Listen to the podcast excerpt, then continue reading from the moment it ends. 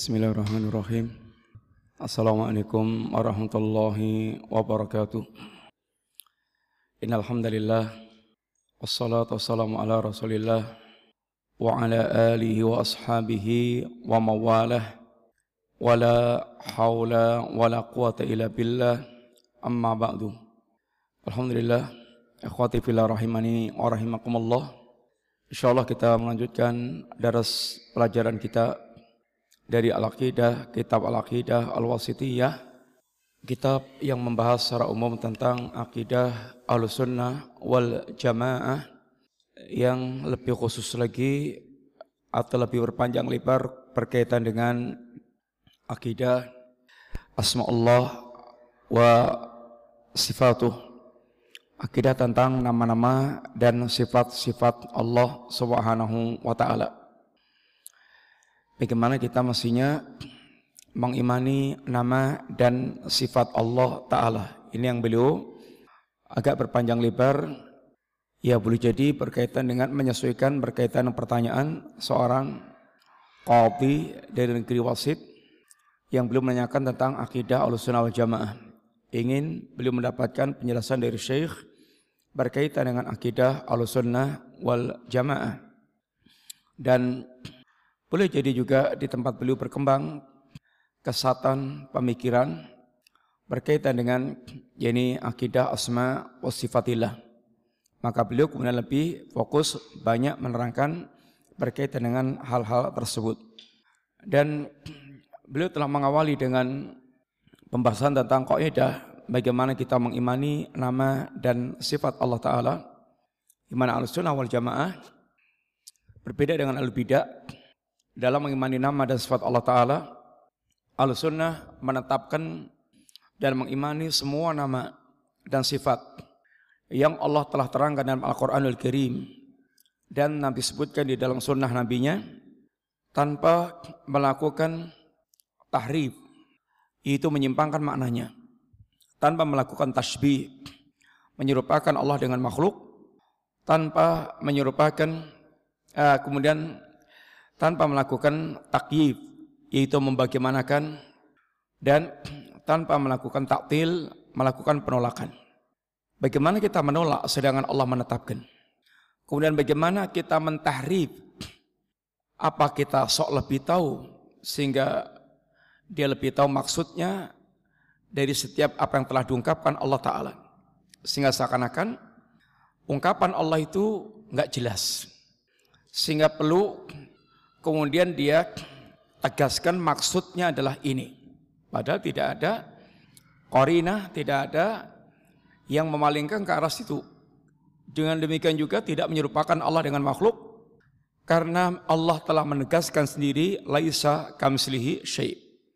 Allah tidak serupa dengan apa pun. Sehingga Allah menetapkan nama sifatnya tapi Allah juga menjelaskan Allah tidak serupa dengan apa pun. Sehingga tidak boleh kita melakukan tasbih. Demikian pula kita tidak melakukan takyif, menggambarkan bagaimananya tentang bagaimananya ada, hakikat bagaimananya ada. Tetapi kita tidak bisa menggambarkan bagaimananya karena kita tidak melihat Allah, tidak melihat yang serupa dengan Allah, tidak melihat eh, tidak mendapatkan keterangan yang akurat dari uh, yang terpercaya itu Nabi Sallam sehingga kita menetapkan tapi tanpa melakukan tahrib, tasbih, takyib, ini taktil. Kemudian Allah Subhanahu wa taala juga eh, beliau telah mengajarkan pula kepada kita pembicaraan tentang nama dan sifat yaitu tentang an-nafy wal isbat berkaitan dengan nama dan sifat Allah Subhanahu wa taala penafian dan penetapan. Ketika Allah Subhanahu wa taala menafikan atau meniadakan segala macam aib dan kekurangan yang dinisbatkan kepada Allah, maka kaidahnya an-nafyu ijmal. An-nafyul ijmal. Ini penafian secara global. Ini Allah Subhanahu wa taala tidak serupa dengan sesuatu apa pun. Allah lam yakun lahu kufuwan ahad. Ini semuanya adalah global. Tidak ada yang setanding dengan Allah, tidak ada yang serupa dengan Allah. Ini semuanya adalah global. Kemudian Terkadang penafian yang asalnya global seperti ini Allah terkadang mendatangkan penafian dan untuk rinci. La yatlimu rabbuka ahadan. Allah tidak mendolimi siapa pun. Ini rinci. Tidak dolim, rinci. Ah, ketika Allah mendatangkan anafyu dalam bentuk yang rinci seperti ini, ada beberapa kemungkinan yaitu untuk membantah pernyataan yang tersebar, umpamanya pernyataan yang tersebar Allah punya anak. Maka Allah katakan lam yalid, Allah nggak punya anak. Ini rinci. Allah nggak punya anak. Pernyataan yang tersebar akan Yahudi umpamanya Allah Subhanahu wa taala capek. Habis menciptakan langit dan bumi enam hari, hari ketujuh ada Allah capek istirahat. Maka Allah katakan, ini Allah khalaqas samawati khalaqas samawati wal arda wa ma bainahuma wa ma massana wa ma fi ayamin wa ma massana min Allah menciptakan langit dan bumi dan semua yang ada di antara keduanya dalam enam hari dan Allah tidak terserang capek. Allah tidak terserang capek. Ini adalah untuk membantah. Atau juga Allah Subhanahu wa taala atau dibalik Allah memberikan atau mendatangkan nafyul tafsil di balik itu ada penetapan tentang kesempurnaan Allah taala. Allah tidak zalim artinya Allah zat yang maha adil. Allah zat yang maha adil. Yang keadilan Allah sama sekali tidak tercampur dengan kebaliman sedikit pun. Dan seterusnya. Adapun isbat datang dalam bentuk tafsil karena semakin tafsil isbat semakin menunjukkan tentang kesempurnaan Allah Ta'ala. Allah yang maha penyayang, Allah maha berilmu, Allah maha penyantun, Allah maha yaitu bijak Allah maha, maha, maha itu semakin detail semakin sempurna menunjukkan semakin sempurna yaitu Allah Subhanahu wa taala. Kemudian juga berkaitan dengan uh, asma dan sifat Allah Subhanahu wa taala sifat Allah ada yang sebutnya ada yang itu uh, fi'liyah ada yang uh, yaitu datiyah. Datiyah sifat Allah Fatihah artinya sifat yang melekat pada diri Allah Subhanahu taala. Sifat yang berkaitan dengan sifat yang senantiasa melekat pada diri Allah taala, umpamanya Al-Alim. Allah zat yang berilmu. Maka sifat ilmu senantiasa melekat kepada Allah Subhanahu taala. Al-Basir, As-Sami senantiasa melekat pada Allah Subhanahu wa taala. Kemudian ada sifat yang fi'liyah, berkaitan dengan fi'il, berkaitan dengan perbuatan ayat berkaitan dengan ini perbuatan Allah Ta'ala. Ini berkaitan dengan iradah, kehendak Allah. Allah ingin berbuat apa. Sehingga ketika Allah menerangkan tentang beberapa sifatnya seperti fi'liyah, maka Allah fa'alun lima yurid. Allah melakukan sesuai dengan apa yang Allah kendaki. Termasuk di antaranya sifat iradahnya sifat fi'liyah adalah yang sekarang kita masuk yaitu mahabbah. Sifat mahabbah adalah sifat fi'liyah. Allah menginginkan mencintai hambanya, mencintai seorang. Sehingga ini berkaitan dengan iroda Allah Subhanahu wa taala, Allah yang ingin mencintai ini hambanya. Sifat mahabbah ini oleh al bidah diingkari. Mereka tahrif dengan iradah atau as-sawab atau iradah thawab. Mereka mentakwil atau mentahrif dengan iradah keinginan atau dengan thawab ini pahala atau dengan iradat thawab keinginan untuk memberikan pahala. Padahal sifat iradah ada sendiri. Allah Subhanahu wa taala berkaitan iradah masyiah ada sendiri sehingga bagaimana mahabbah dibawa kepada iradah iradah sendiri mahabbah sendiri dan tidak bisa kita bayangkan orang-orang yang mereka tidak tidak mengimani sifat Allah mahabbah apa yang akan membuat mereka itu semangat beramal? Apa yang akan membuat mereka itu semangat beramal? Orang yang mereka mengimani sifat mahabbah bagi Allah taala, maka mereka sangat akan semangat beramal dan akan menikmati dengan amalnya itu karena dia mencintai Allah taala. Untuk mendapatkan cintanya Allah kepada dia. Jadi sifat mahabbah ini ada dua hal yang mesti kita ini tetapkan. Allah yuhibbu dan Allah yuhab. Allah yuhib wa yuhab. Allah mencintai dan dicintai. Allah mencintai dan Allah dicintai. Sehingga Allah dengan kendaknya mencintai apa yang Allah ingin lakukan, apa yang Allah ingin cintai. Dan beliau bawakan ayat-ayat di antara contoh ayat-ayat yang menunjukkan siapa-siapa yang dicintai oleh Allah SWT. Orang yang mereka mengimani Allah mencintai, maka dia akan semangat untuk mewujudkan amal-amal itu dalam rangka untuk mendapatkan kecintaan Allah SWT. Dan itu dan sungguhnya ini akidahnya fitrah, akidah fitrah. Orang sebelum belajar sebelum belajar filsafat karena berbagai macam kotoran-kotoran subhat filsafat, maka sangat gampang. Kenapa uh, bapak-bapak ibu-ibu salat? Iya Ustadz, karena saya ingin dicintai oleh Allah Ta'ala. Itu udah bahasa fitrah. Semuanya begitu. Dia melakukan kebaikan-kebaikan untuk dicintai oleh Allah Ta'ala. Semoga kita dicintai Allah, semoga Allah mencintai kita, dan seterusnya. Ini adalah hal yang biasa diungkapkan oleh manusia. Rusaknya itu ketika dia belajar filsafat. Sehingga membuat rumusan-rumusan dengan akalnya, sehingga dia akan menentang khobar-khobar yang datang dari Allah Ta'ala. Maka syubhat itu hasilnya menentang khobar. Mendustakan khobar. Karena tidak cocok dengan akal, ini pikiran dia yang akal pikiran dia telah dirusak dengan setan, pikiran-pikiran setan, di antaranya dalam model-model, yakni filsafat, pikiran syaitania. Maka orang yang mereka meyakini tentang Allah mencintai, maka dia akan semangat di dalam beramal, mewujudkan hal-hal yang Allah mencintai dia. Kemudian, kemarin kita telah masuk beberapa ayat yang kita bawakan, ini ayat yang pertama yang telah kita baca kemarin, ini firman Allah Subhanahu wa taala Ayat yang pertama adalah wasinu inallah yuhibbul muhsinin. Berbuat baiklah Anda, sungguhnya Allah mencintai orang-orang mereka berbuat baik, berbuat ihsan. Kemarin ihsan ada dua ikhwan, apa? Apa kemarin ihsan? Ada dua. Ihsan berkaitan dengan Allah SWT, ihkam, ifqan, yaitu bagusnya dia dalam mewujudkan agama. Bagusnya dia dalam mewujudkan ibadah. Ini anta budallaha ka'anna katara fa ilam takun tara fa yarak. Ini ihsan dalam beribadah kepada Allah tingkatan tertinggi dalam beragama. Tingkatan tertinggi dalam dia beragama. Sehingga orang-orang telah sampai pada tingkat menikmati yakni amal-amal ibadahnya kepada Allah Subhanahu wa taala.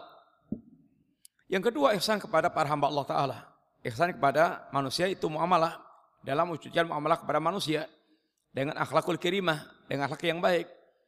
Akhlak yang baik itu diringkas oleh para ulama dengan mengungkapkan kaful ada wa batlun ada wa talaqatul wajh.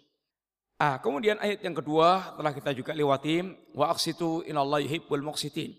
Berbuat adilah kalian sungguhnya Allah mencintai orang-orang yang mereka berbuat ini adil. Ini jangan sampai dia zalim. Adil adalah prinsip dalam kita membangun muamalah bahkan walaupun kepada orang kafir. Walaupun kepada orang sangat kita benci sekalipun wala yajrimanakum sana'anu qaumin ala alla ta'dilu i'dilu huwa aqrabu lit taqwa jangan sampai kebencian Anda kepada satu kaum menjadikan Anda berbuat tidak adil. Berbuat adillah kalian sungguhnya keadilan itu lebih dekat kepada ketakwaan. Orang-orang kafir banyak yang masuk Islam dengan keadilan yang ditunjukkan para penguasa kaum muslimin sehingga mereka tertarik dengan yakni Islam. Ketika kaum muslimin menampilkan hal-hal yang bertentangan dengan acaranya, maka itu yang dikatakan dengan al-Islam mahjubun bil muslimin. Islam itu terhalang oleh ya kaum muslimin sendiri. Keindahan Islam tidak dinampakkan oleh muslimin, yang dinampakkan adalah ini hal-hal yang bukan Islam. Sehingga orang terhalang dari Islam karena penganutnya yang tidak mengamalkan ajaran Islam. Contoh umpamanya Islam mengajarkan keadilan. Musliminnya melakukan kedoliman-kedoliman. Maka orang terhalang dengan Islam yang indah. Akhirnya orang banyak orang terhalang dengan Islam yang indah. Karena ditampilkan oleh kaumnya, oleh pemeluknya dengan kedoliman-kedoliman yang dia yaitu lakukan. Ini adalah uh, ini adil. Sehingga berbuat adilah agar anda dicintai oleh Allah SWT. Dengan demikian orang mereka mengimani sifat adil bagi Allah, eh, mengimani sifat mahabbah bagi Allah, maka dia akan semangat untuk mewujudkan keadilan dalam kehidupannya itu. dalam posisi dia dari pemimpin yang terkecil sampai pemimpin yang terbesar. Pemimpin terkecil ya kalau bisa dibilang kita ini adalah pemimpin bagi diri kita sendiri. Gimana adilnya kita dengan diri kita? Gimana? Contoh adilnya gimana contohnya ikhwan? Berbuat adil kepada diri sendiri. Gimana contohnya? Kalau orang lain yang salah, wow, julek. Menghukumnya itu julek. Tahu julek enggak? Sa pol-poli. Kayak orang yang salah besar. Tapi kalau yang salah dirinya, pemaaf, orang popo, maafkan. Yang salah dirinya, serba dimaafkan. Orang lain salah, hukumannya itu seberat-beratnya. Ini namanya nggak adil. Namanya nggak adil. Sehingga nggak pernah menghukum dirinya, baik menghukum orang lain, masya Allah. Demikian pula pemimpin dalam keluarga berbuat adil pada istrinya, kalau punya istri lebih dari satu, kepada anak-anaknya. Banyak orang tua yang tidak berbuat adil kepada anak-anaknya. Kalau yang disenangi, sembarang kali dikai, turuti. Penjalui apa dituruti. Sehingga semuanya Masya Allah terpenuhi semuanya itu. Tapi yang gak disenangi itu selalu tersingkir terus. Dan tidak terpenuhi kebutuhannya itu. Maka orang tua mesti kalau memberi adil. Kalau yang satu dibelikan baju, semuanya belikan. Semuanya belikan. Jangan satu belikan, yang lainnya nggak dibelikan. Pemberian semuanya dikasih. Sehingga dia berbuat adil kepada anak-anaknya. Supaya nanti juga orang tua ketika tuanya, dia juga sebagaimana senang kalau orang anaknya berbuat adil semuanya kepada orang tuanya, berbakti sama dia, maka orang tua hendaknya berbuat adil pula sama ini anak-anaknya. Pemimpin ya di atasnya lagi sampai puncaknya adalah khalifah, maka wajib mereka untuk berbuat adil. Dan keadilan harganya sangat mahal, maka Allah ketika bicara tentang orang-orang yang mereka dilindungi di hari kiamat kelak, di antaranya adalah imamun adilun, imam yang adil, imam yang adil, yang mereka akan mendapatkan perlindungan Allah Subhanahu wa taala. Kemudian ayat yang ketiga telah kita juga lewati, famastaqamu lakum fastaqimu lahum inallah yuhibbul muttaqin. Jika mereka lurus jika musuh-musuh kalian itu lurus, ini katanya dengan ayat perjanjian. Kalau mereka yang orang-orang kafir yang membuat perjanjian dengan anda wahai muslimin, mereka itu istiqomah, lurus, artinya itu konsisten dengan perjanjiannya, maka konsistenlah untuk menjaga perjanjian. Jangan berkhianat. Enggak boleh berkhianat dalam perjanjian. Kalau kemudian mereka dikhawatirkan berkhianat, walaupun belum berkhianat, tapi mereka ada uh, dibaca itu gelagatnya itu tahu gelagatnya apa? Ya gelagatnya pokoknya dibaca itu gerak-geriknya itu dia khianat akan khianat walaupun baru berkhianat maka dia kembalikan dulu. Dia batal, dia kembalikan perjanjian, dah kita nggak ada perjanjian lagi. Sehingga dikembalikan baru kemudian dia bersikap. Nggak boleh dia kemudian batalkan sepihak, nggak bisa. Maksudnya nggak boleh dia langsung berkhianat, nggak bisa. Kembalikan dulu baru dia bersikap. Kalau mereka sudah khianat duluan ya sudah berarti bubar otomatis. Bagaimana Yahudi mau punya perjanjian dengan muslimin, begitu Yahudi melanggar udah nggak ada ampun dari Nabi untuk mereka. Sehingga mereka dihinakan oleh Nabi, diusir oleh Nabi karena pengkhianatan mereka terhadap perjanjian yang telah dibuat oleh Rasulullah Sallallahu Alaihi Wasallam. Demikian pula Quraisy ada perjanjian dengan Nabi 10 tahun. Tidak boleh ya mereka saling memerangi dan membunuh, termasuk yang bersekutu. Orang kafir yang ikut Nabi dan para ikut Nabi, berarti kelompoknya Nabi. Orang kafir ikut orang Quraisy berarti kelompoknya orang Quraisy. Ini juga nggak boleh saling mengkhianati. Maka begitu ada pengkhianatan berarti perjanjian batal. Maka ketika sekutu Quraisy mereka mengadakan pengkhianatan, maka setelah itu Nabi nggak ada ampun, berat perjanjian putus, Nabi kemudian luruk mereka dan mereka pun kemudian ditaklukkan oleh Nabi Shallallahu Alaihi Wasallam. Ini menjaga perjanjian. Ayat ini kaitannya ibarat yang di intinya pada kalimat innallaha yuhibbul muttaqin. Sesungguhnya Allah taala mencintai orang-orang yang mereka bertakwa. Takwa dari asal makna al-wiqayah. Al-wiqayah itu benteng.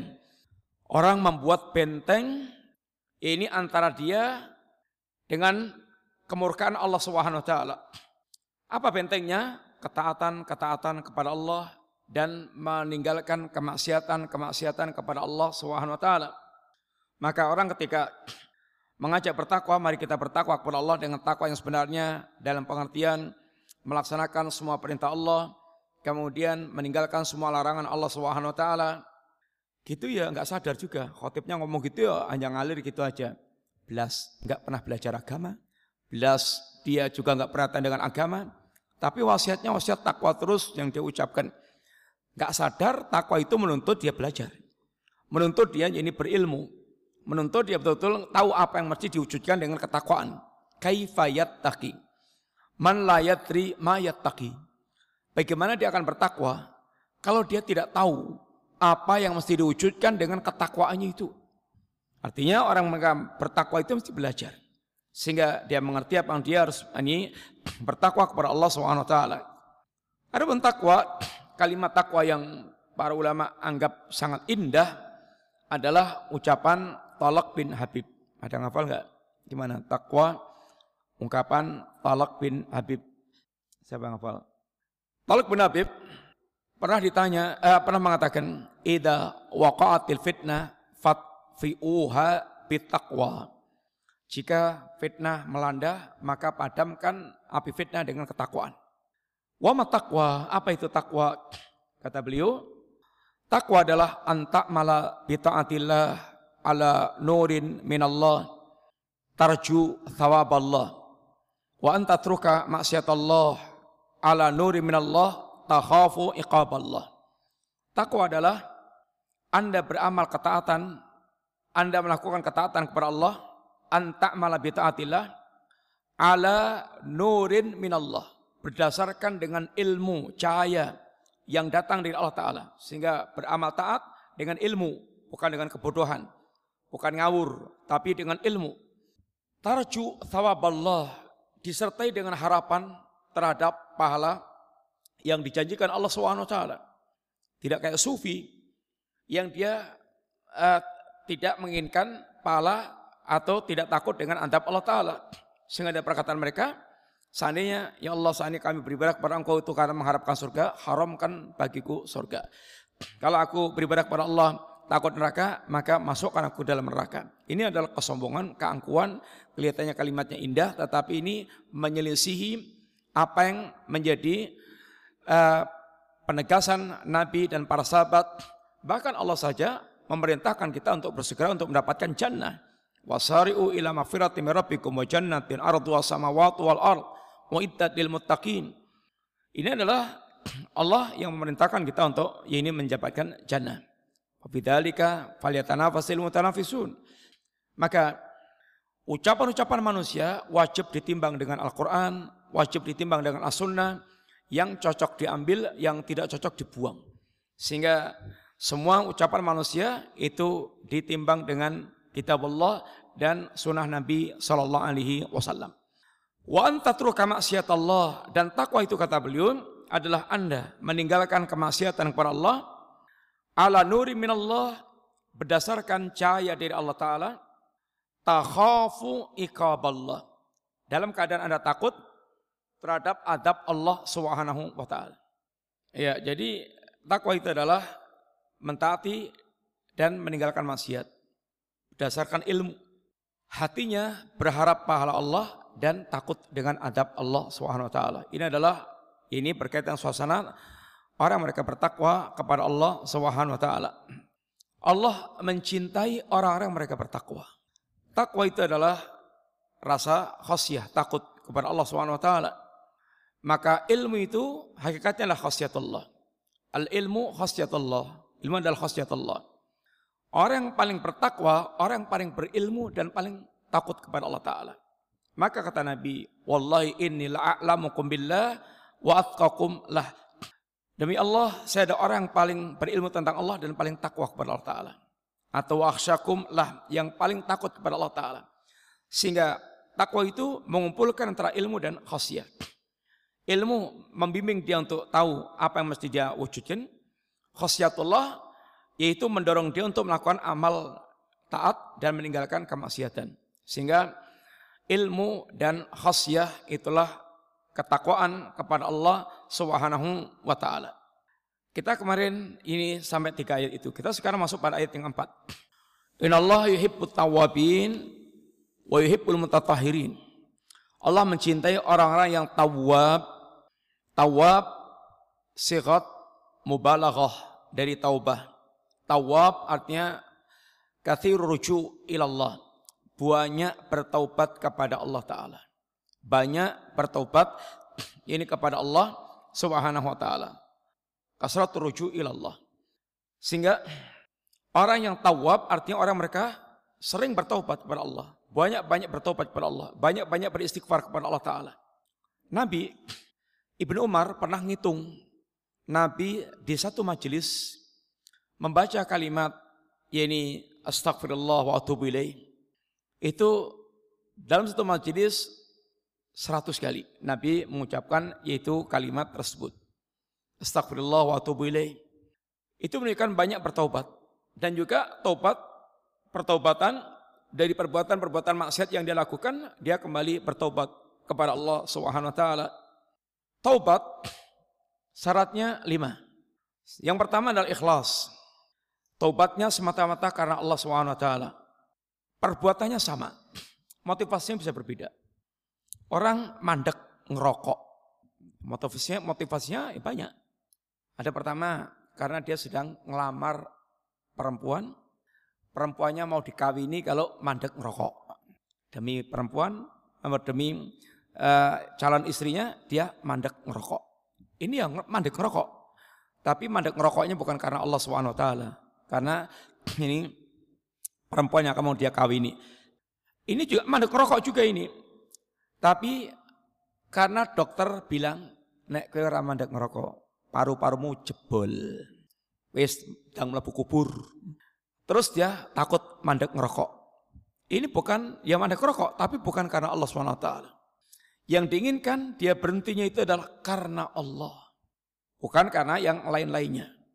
Sehingga betul-betul dia mewujudkan ketakwaan kepada Allah Ta'ala. Mukhlis semata karena Allah. Yang kedua, an-nadam ala ma fa'ala minad dambi. Ada penyesalan Penyesalan itu terhadap perbuatan dosa yang dilakukan itu. Nyesel. Nyesel asli dengan dibuat-buat ya beda. Nyesel asli gelo, betul-betul gelo dengan yaitu gelonya itu dibuat-buat ya beda. Beda. Intinya ini tak langsung air mata, air mata penyesalan dengan air mata buaya beda, palsu Air mata pun juga macam-macam. Ada air mata keluar panas, ada air mata keluar dingin, ada air mata itu juga berkaitan dengan air mata itu keluarnya karena apa? Karena apa? Sehingga penyesalan yang sungguh yang betul-betul maka lain dengan penyesalan orang yang mereka pura-pura. Yang ketiga, al-iqla anidambi, melepaskan dosanya. Dia tinggalkan perbuatan haram yang dilakukan tersebut. Dia tinggalkan. Yang keempat, al-asmu Allah ya'uda ilaih. Dia berazam, bertekad kuat untuk tidak kembali, tidak mengulangi lagi perbuatan tersebut. Yang kelima, antakuna fi waktin tuqbalu fit taubah. Dia berada di zaman atau waktu diterimanya taubat. Taubat nggak diterima itu ketika sakatul maut dan ketika munculnya matahari dari arah tenggelamnya ini sebelah barat. Kalau udah tinggal taksaknya taubat nggak diterima. Contohnya Fir'aun. Fir'aun ketika dia sudah tinggal taksaknya itu mengatakan ini amantu annahu la ilaha illalladzi amanat bi bani Israel wa ana minal muslimin. Maka penegasan Fir'aun kata Allah al-an faqad asaita qablu. Wahai Fir'aun, kok baru sekarang Dulu dulu kamu maksiat terus alias tidak diterima oleh Allah SWT. Taubat akan dibuka Allah terus hatta yugharghir sampai yaitu nyawa di tenggorokan dia. Ini adalah ini syarat diterimanya taubat seorang. Wa yuhibbul mutatahirin. Orang yang mutatah, mutatahhir ini orang mereka membersihkan najis-najis badan. Sehingga di sini Allah menggabungkan dua sekaligus tawab berkaitan kebersihan jiwa, membersihkan jiwanya di kotoran-kotoran maksiat, kotoran-kotoran bid'ah, kotoran-kotoran syirik, ini semuanya kotoran, sehingga dibersihkan dari itu semuanya. Adapun mutatahir, mutahirin, mereka yang membersihkan dari najasat zahirah. Najis yang zahir. Najis-najis yang zahir. Suka wudhu. Maka Nabi sangat suka kepada orang mereka dawamul wudhu. Selalu memiliki wudhu. Sehingga kalau batal wudhu, batal wudhu, batal wudhu. Intinya supaya dia sewaktu-waktu punya wudhu. Adapun kotor, nggak apa-apa. Kotor itu tidak merusak wudhu. Aku wudhu yang sawah. Apa nggak boleh wudhu yang sawah? Kotor no. Wudhu itu nggak harus dalam kondisi dia harus selalu bersih. Kotor itu tidak yaitu menghilang tidak membatalkan wudhu. Sehingga yang membatalkan wudhu itu ya di antaranya keluar najis, sebulain, dua jalan belakang atau depan, ada zatnya, ada suaranya, atau ada baunya, itu membatalkan ini wudhu. Tapi kalau hanya kotor, bengkel kotor oli, ke sawah kotor lendut, kemudian kerja bangunan kotor pasir atau itu aduan, ya nggak apa-apa. Yang penting tidak kena najis atau tidak berhadat sehingga tetap menjaga wudhu. Apalagi kita yang selalu dalam kondisi bersih, pekerjaannya bersih-bersih, kantoran atau belajar, usahakan selalu punya wudhu. Allah Subhanahu wa taala ini suka dengan orang mereka selalu menjaga dirinya dari uh, najasat, dari nanti barang-barang itu najis. Sehingga termasuk ya tempat, tempat-tempat dijaga dari najasat. Sehingga jangan sampai Allah suka dengan kebersihan, bersih lahir batin, tapi muslimnya jorok. Jorok, muslimnya jorok. Jorok uh, omai kamari masjid telek tok yang telecek dengan dindi sehingga jijikkan kemudian uh, anaknya nggak dirawat meler terus dijarno kemudian geluput kotoran dijarkan rumahnya yang besar sih oh kapal pecah dijarkan ya mestinya kalau dia ingin dicintai oleh Allah Ta'ala bagaimana rumah bersih bagaimana kondisi ya bersih sehingga bukan pemalas malas. Kadang-kadang kadang-kadang orang tidak membersihkan itu bukan karena ada waktu malas malas. Sehingga omai semrawut di sawang motoni mari sepet. Ya uh, nyaman-nyaman aja nyaman-nyaman aja karena memang orang itu sesuai dengan kebiasaannya kebu kebo itu dia kalau ditidurkan di hotel orang bisa turu. Tapi kalau tidurnya itu di damen, teletong, campur uyuh, itu seangler ngimpi-ngimpi. Orang sesuai dengan kebiasaannya. Kalau kebiasaannya itu jorok, kotor gitu ya sudah di tempat yang gituan nyaman. Tapi kalau dia biasa bersih, rapi, maka risih berkaitan dengan hal yang kotor seperti itu. Eh, di sini Allah mencintai dengan orang mereka ini suka membersihkan jiwanya dengan taubat dan suka membersihkan fisiknya dengan dari najasat sehingga mereka dalam keadaan ini eh, bersuci lahir batin. Allah mencintai yang demikian. Maka orang mencintai, orang mereka meyakini Allah mencintai seperti ini, dia akan berlomba-lomba untuk menjadi orang yang sebersih-bersihnya batinnya dan sesuci-sucinya zahirnya. Sehingga dia akan semangat untuk mewujudkan ini semuanya karena Allah mencintai ini at-tawwabin dan mutatahhirin. Yang kelima, Qul in kuntum tuhibbunallaha fattabi'uni yuhibbukumullah wa yaghfir lakum dzunubakum. Katakanlah ya Rasulullah SAW, jika kalian betul mencintai Allah, fattabi'uni maka ikutilah aku yuhibbukumullah, Allah akan mencintai kalian. Ayat ini dikenal dengan istilah para ulama dengan ungkapan ayatul mihnah. Ayatul Mihna. Ini ayat tentang ujian. Ayatul Mihna ayat tentang ujian. Ujian bagi siapa? Ujian bagi orang yang mereka mengatakan cinta kepada Allah Ta'ala.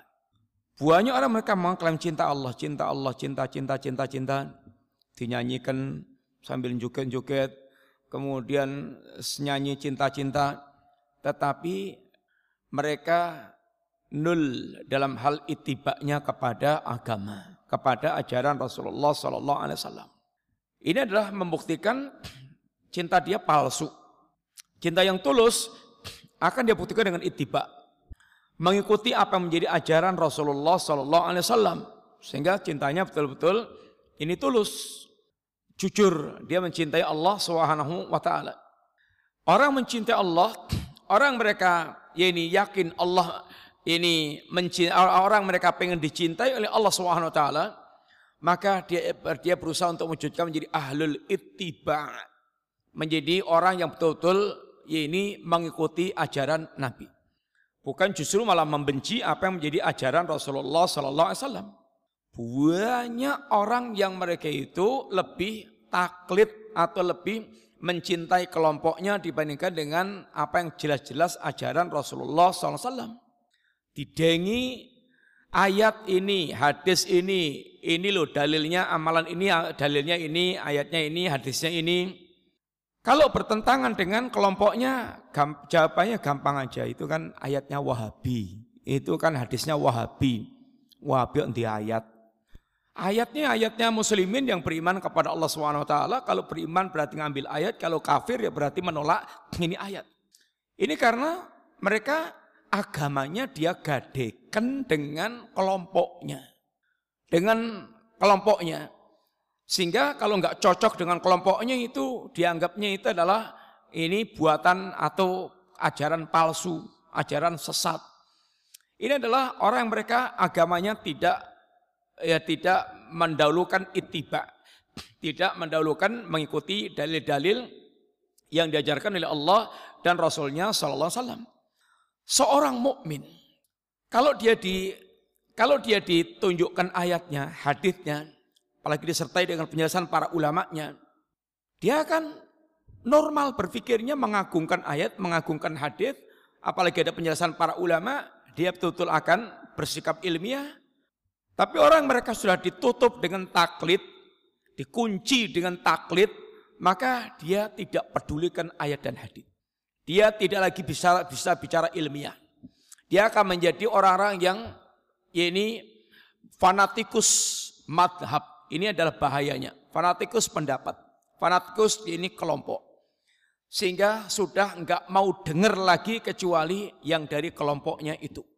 Ini adalah penyakit yang banyak berkembang di tengah-tengah itu kaum muslimin. Itiba agama ini ikhwan dibangun di atas sikap itiba. Agama itu dibangun dengan wahyu bukan dengan rokyu. Kalau agama dibangun dengan dengan bangun dengan rokyu, enggak perlu nabi dan rasul. Agama ini dibangun dengan wahyu sehingga Allah datangkan Nabi dan Rasul untuk mengajarkan ya ini apa yang manusia belum tahu. Dibimbing dengan ajaran Allah Subhanahu wa taala dan Rasulnya sallallahu alaihi. Akal manusia mesti harus tunduk kepada wahyu. Maka orang-orang mereka selalu mendahulukan akalnya, akalnya, akalnya, akalnya. Maka para ulama katakan sadatnya diganti aja. Sadat kamu diganti aja wa ashadu anna akli Rasulullah. Saya bersaksi akalku ini utusan Allah Ta'ala. Sehingga akalku, akalku, akalku, akalku terus, akalku terus. Tapi kalau orang bersadat wasyadu anna Muhammad Rasulullah, ya qala Rasulullah sallam, qala Rasulullah sallam, qala Rasulullah sallam. Itu adalah sudah konsekuensinya ketika dia bersadat Rasulullah SAW. Bersadat Rasulullah kasih nas akalku kasih nas akalku. Sehingga akalnya itu gantikan Nabi.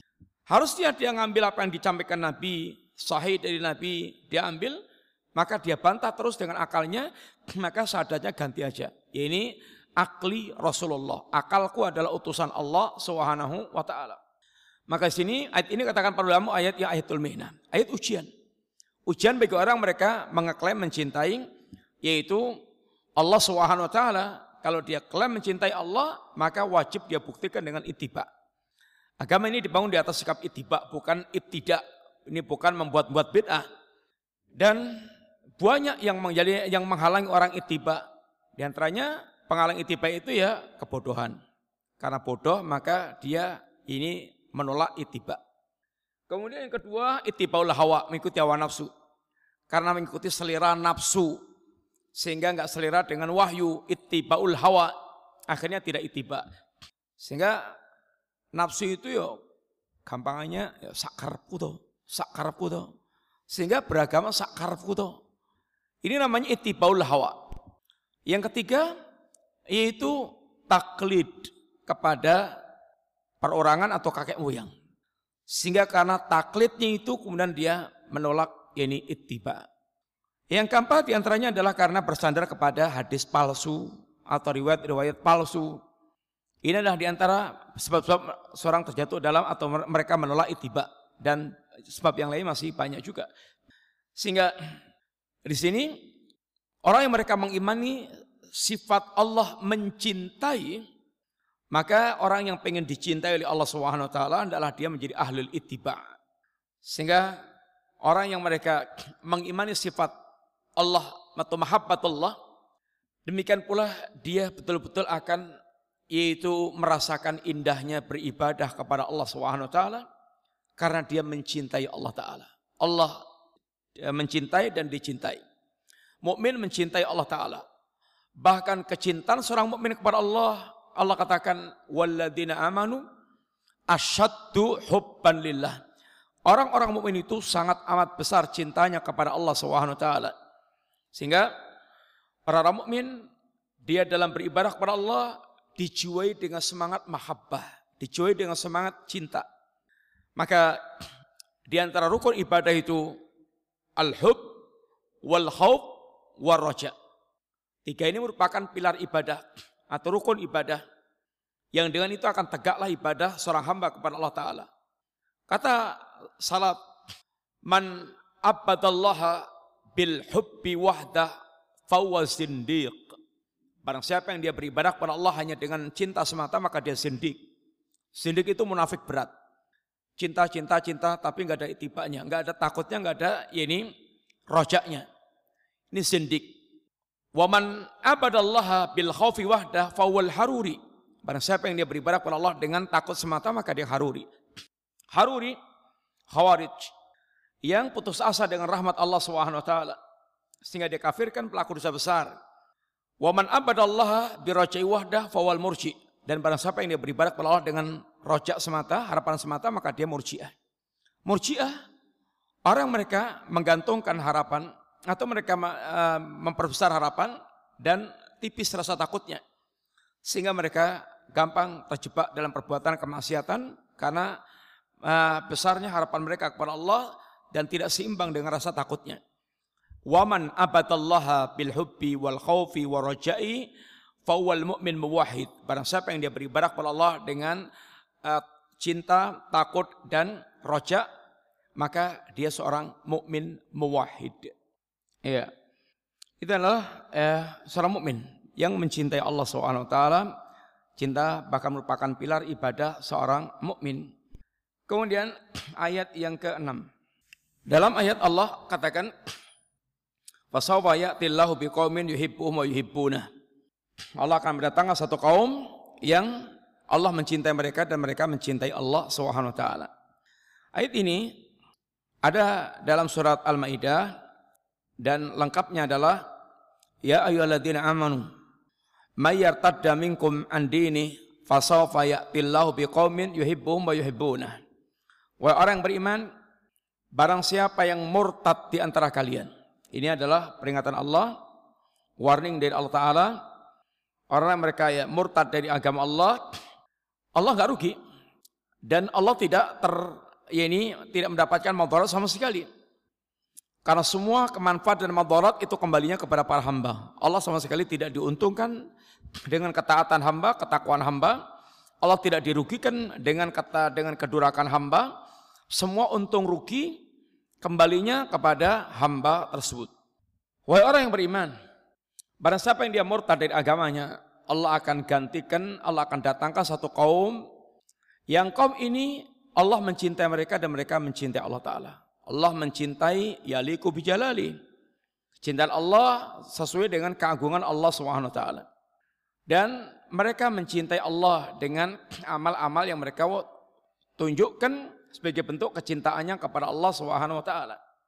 Maka dalam ayat yang lainnya Allah katakan juga wa in tatawallau kalau kalian berpaling melengos dari agama, cuek, nggak mau urusan dengan agama, yastabdil qauman ghairakum Allah akan gantikan dengan kaum yang selain kalian. Tsumma la yakunu amsalakum kemudian kaum itu enggak seperti kalian. Sehingga Allah yang telah memberikan kesempatan kepada kita kebaikan-kebaikan ambil. Kalau enggak diambil orang lain, Allah akan ganti orang lain. Allah Allah berikan pada antum kesempatan belajar agama. Ambil kesempatan itu. Kalau enggak diambil orang lain. Allah berikan kesempatan antum banyak berdakwah. Ambil kesempatan itu. Jangan uh, antum tinggalkan, saya akan nanti Allah akan gantikan orang lain. Allah akan datangkan kaum lain yang menggantikan apa yang telah ditawarkan Allah kepada Anda. Allah tawarkan infak kita kepada kita agar kita mengambil kesempatan itu untuk ini keuntungan kita sendiri. Kita nggak infak-infak, diambil orang lain. Kemudian Allah ganti orang lain yang berinfak dan dia yang beruntung mengambil keuntungan dari Allah Subhanahu wa taala.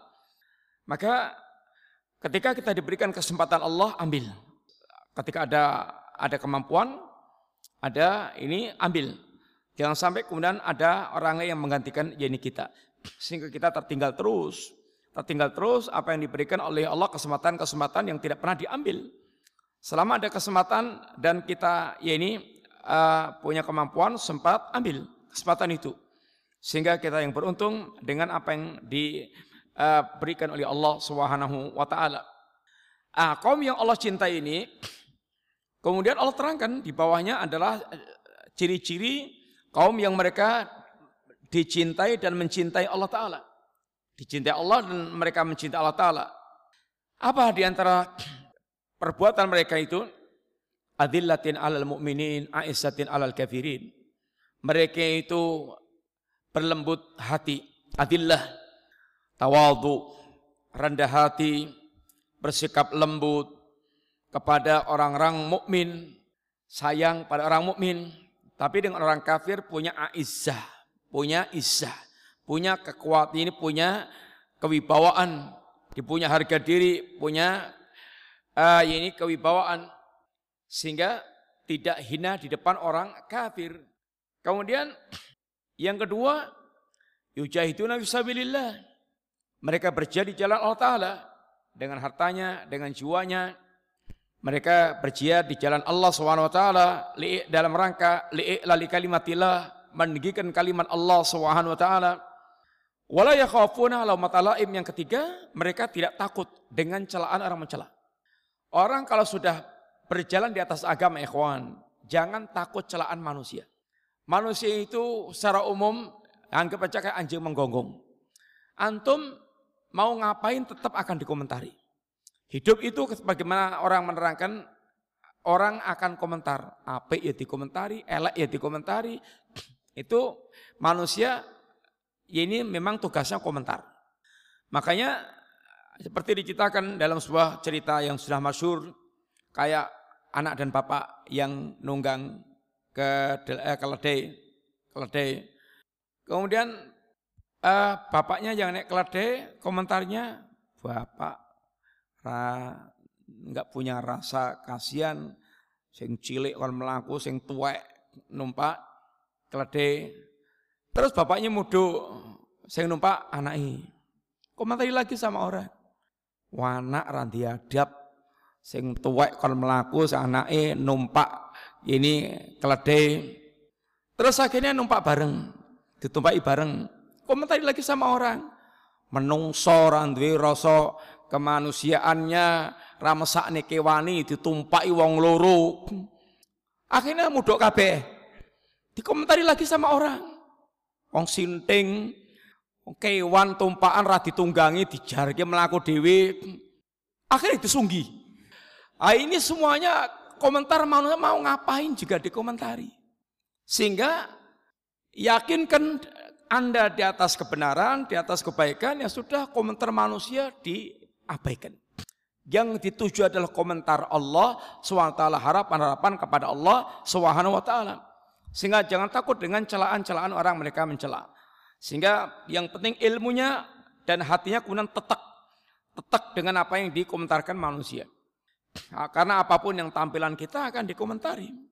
Akan dikomentari oleh ini manusia. Kemudian Ya, ayat yang ketujuh ini.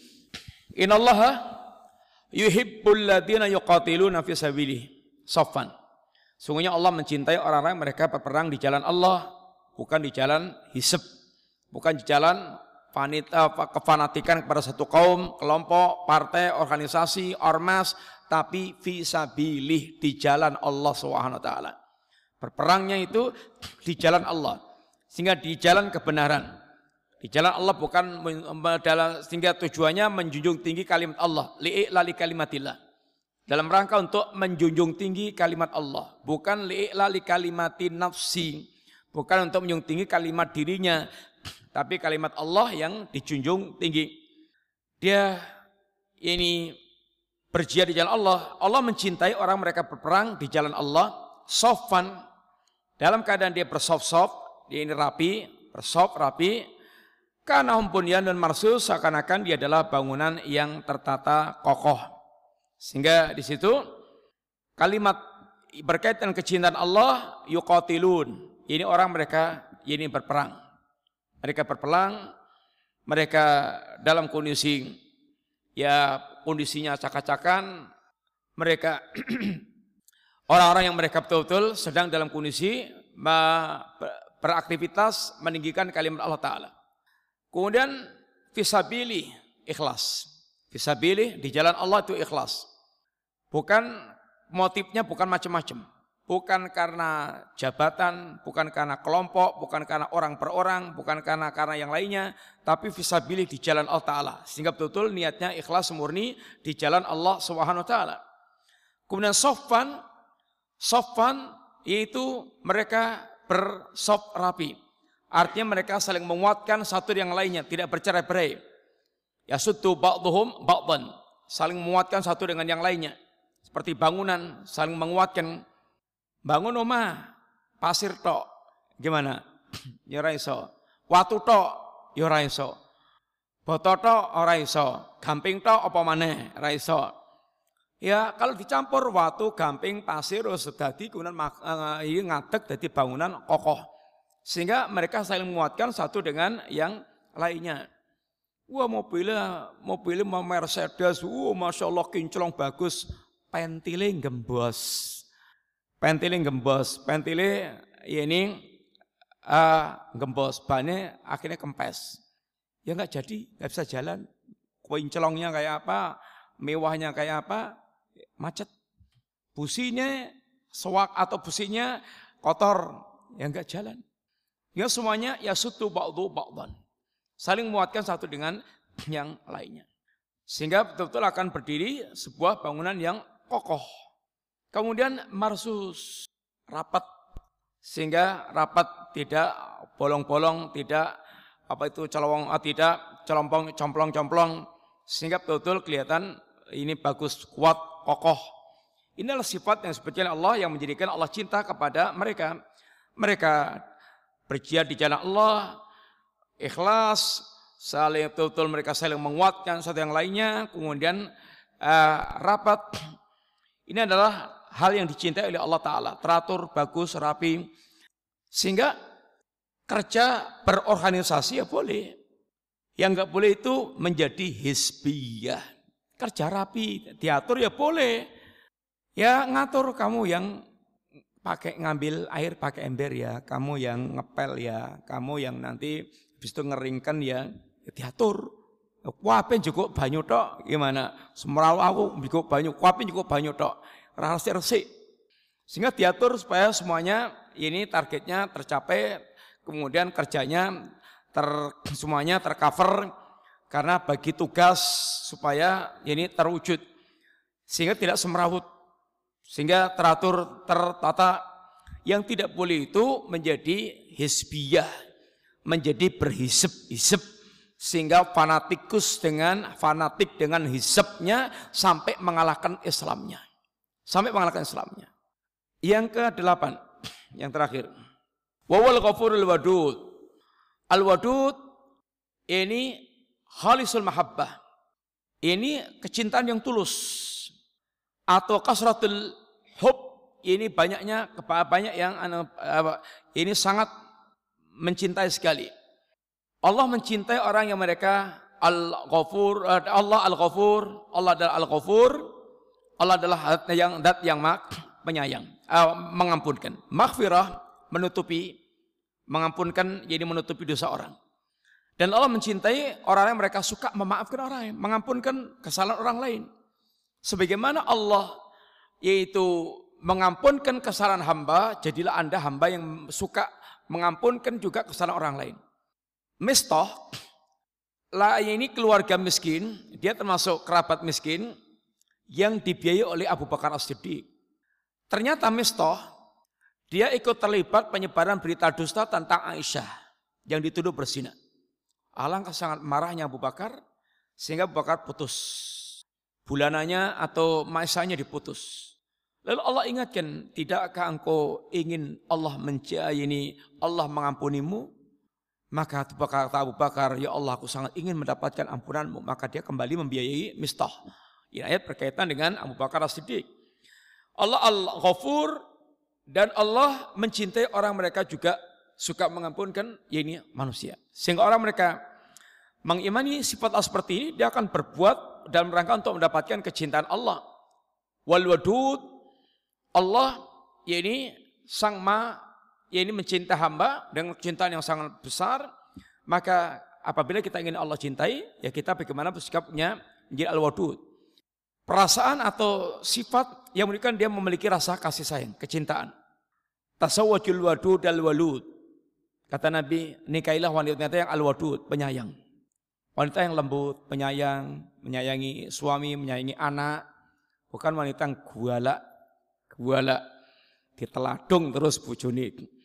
Tadi yang al-wadud. Jangan cari wanita jagoan. Weh yang juara satu karate sejogja. Wantu nanti disampluk rontok nanti. Yang al-wadud. Yang ini lembut, sangat pencinta, mencintai anak, eh, mencintai anak, mencintai suami. Al-walud yang peranak, yang anaknya banyak. Taunya gimana? Ya taunya ya dengan tanda-tanda keluarganya, kesuburannya dan seterusnya sehingga dia akan banyak ya ini anaknya. Dan karena Nabi akan berbanggaan, berbangga dengan banyaknya umatnya, tentu banyak anak bukan sekedar akeh anak ini, tapi ya anak yang ter yang berkualitas. Anak yang kualitas, wakil anak ini berandal kabeh. Ya enggak ada gunanya Anak banyak anaknya tapi semuanya saleh, penghafal Quran, bagus, masya Allah. Ini adalah yang dibanggakan oleh Nabi kelak di Yaumul Qiyamah.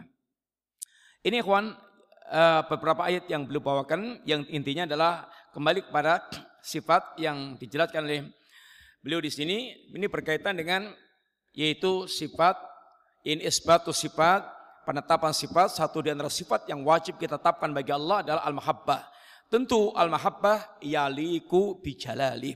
Sesuai dengan keagungan Allah SWT. Sehingga menetapkan sifat mahabbah bukan berarti yaitu menyerupakan Allah dengan makhluk. Sebagaimana kita semuanya tahu Allah berkehendak, kita berkehendak, tapi kehendak Allah berbeda dengan kehendak yakni makhluk. Ini adalah uh, sebagian sifat yang wajib kita tetapkan dan kaidahnya telah kita pelajari sebagian pada pembahasan yang uh, lalu. Uh, demikian insya Allah kita lanjutkan pada pembahasan yang uh, lain berikutnya insya Allah. Dan apa cara mendumbuhkan kecintaan kepada Allah yang sangat banyak. Kita cukupkan dulu pembahasan kita.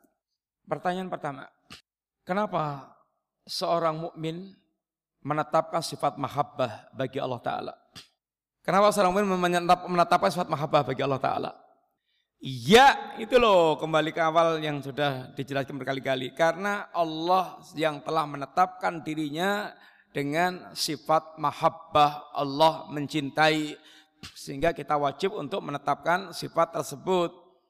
Kemudian seorang mukmin yang menetapkan sifat mahabbah, dia akan bersemangat untuk mendapatkan cintanya Allah Ta'ala. Ya, kalau orang dicintai Allah, dia itu mau dapat apa sih? Orang yang dicintai Allah, apa yang akan dia dapatkan? Yang singkat-singkat aja, apa ikhwan? Yang pertama, orang yang dicintai Allah, dia akan, ya ini, perintahkan Jibril, malaikat mencintai dia.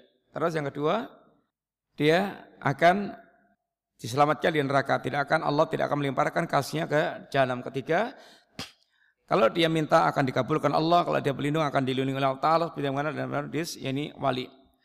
Kemudian berikutnya, tadi ada ayat Innallaha yuhibbut tawwabina wa yuhibbul mutatahirin. Ya. Apa maksudnya jelaskan at-tawabin dan al-mutatahirin. Ya, at-tawabin orang-orang yang mereka itu membersihkan jiwanya dengan taubat. Kotoran dari kotoran, kotoran jiwa.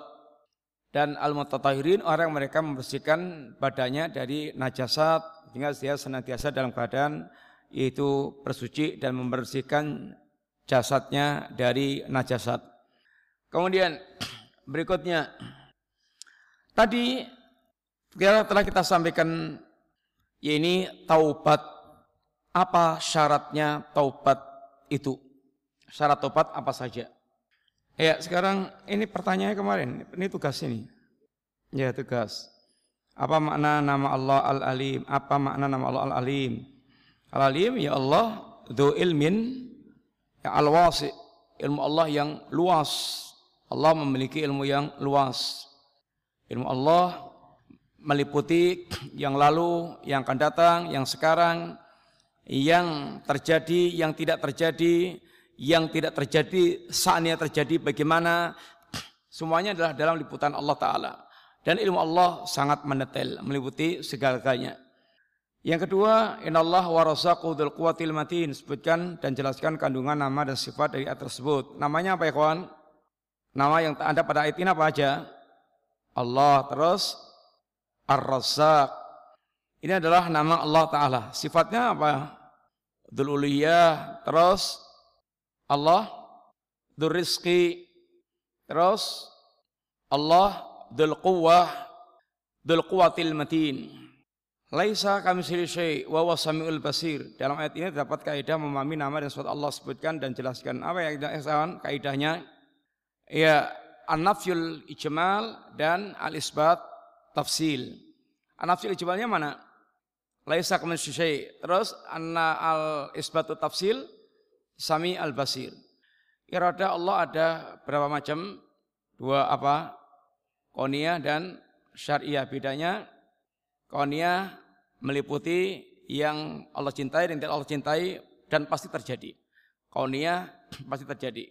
Irada ini syariah, irada yang berkaitan dengan apa yang Allah cintai dan belum tentu ini terjadi. Kenapa kita menetapkan sifat al-mahabbah dan bagaimana cara menetapkannya? Tadi gimana? Karena Allah yang menetapkan sifat itu sendiri dan caranya seperti yang para ulama sebutkan yaitu menetapkan tanpa melakukan tahrib, tasbih, taktil, takyib. Ini adalah kaidah dalam menetapkan nama dan sifat Allah taala. Demikian mudah-mudahan manfaat. Jazakumullah khair. Ikhwan, insyaallah kita lanjutkan pesan akan datang billah. Wassallallahu ala nabiyyina Muhammadin wa ala alihi wa sahbihi wasallam. Subhanakallahumma wa bihamdika asyhadu an la ilaha illa anta astaghfiruka wa atubu ilaik. Assalamualaikum warahmatullahi wabarakatuh.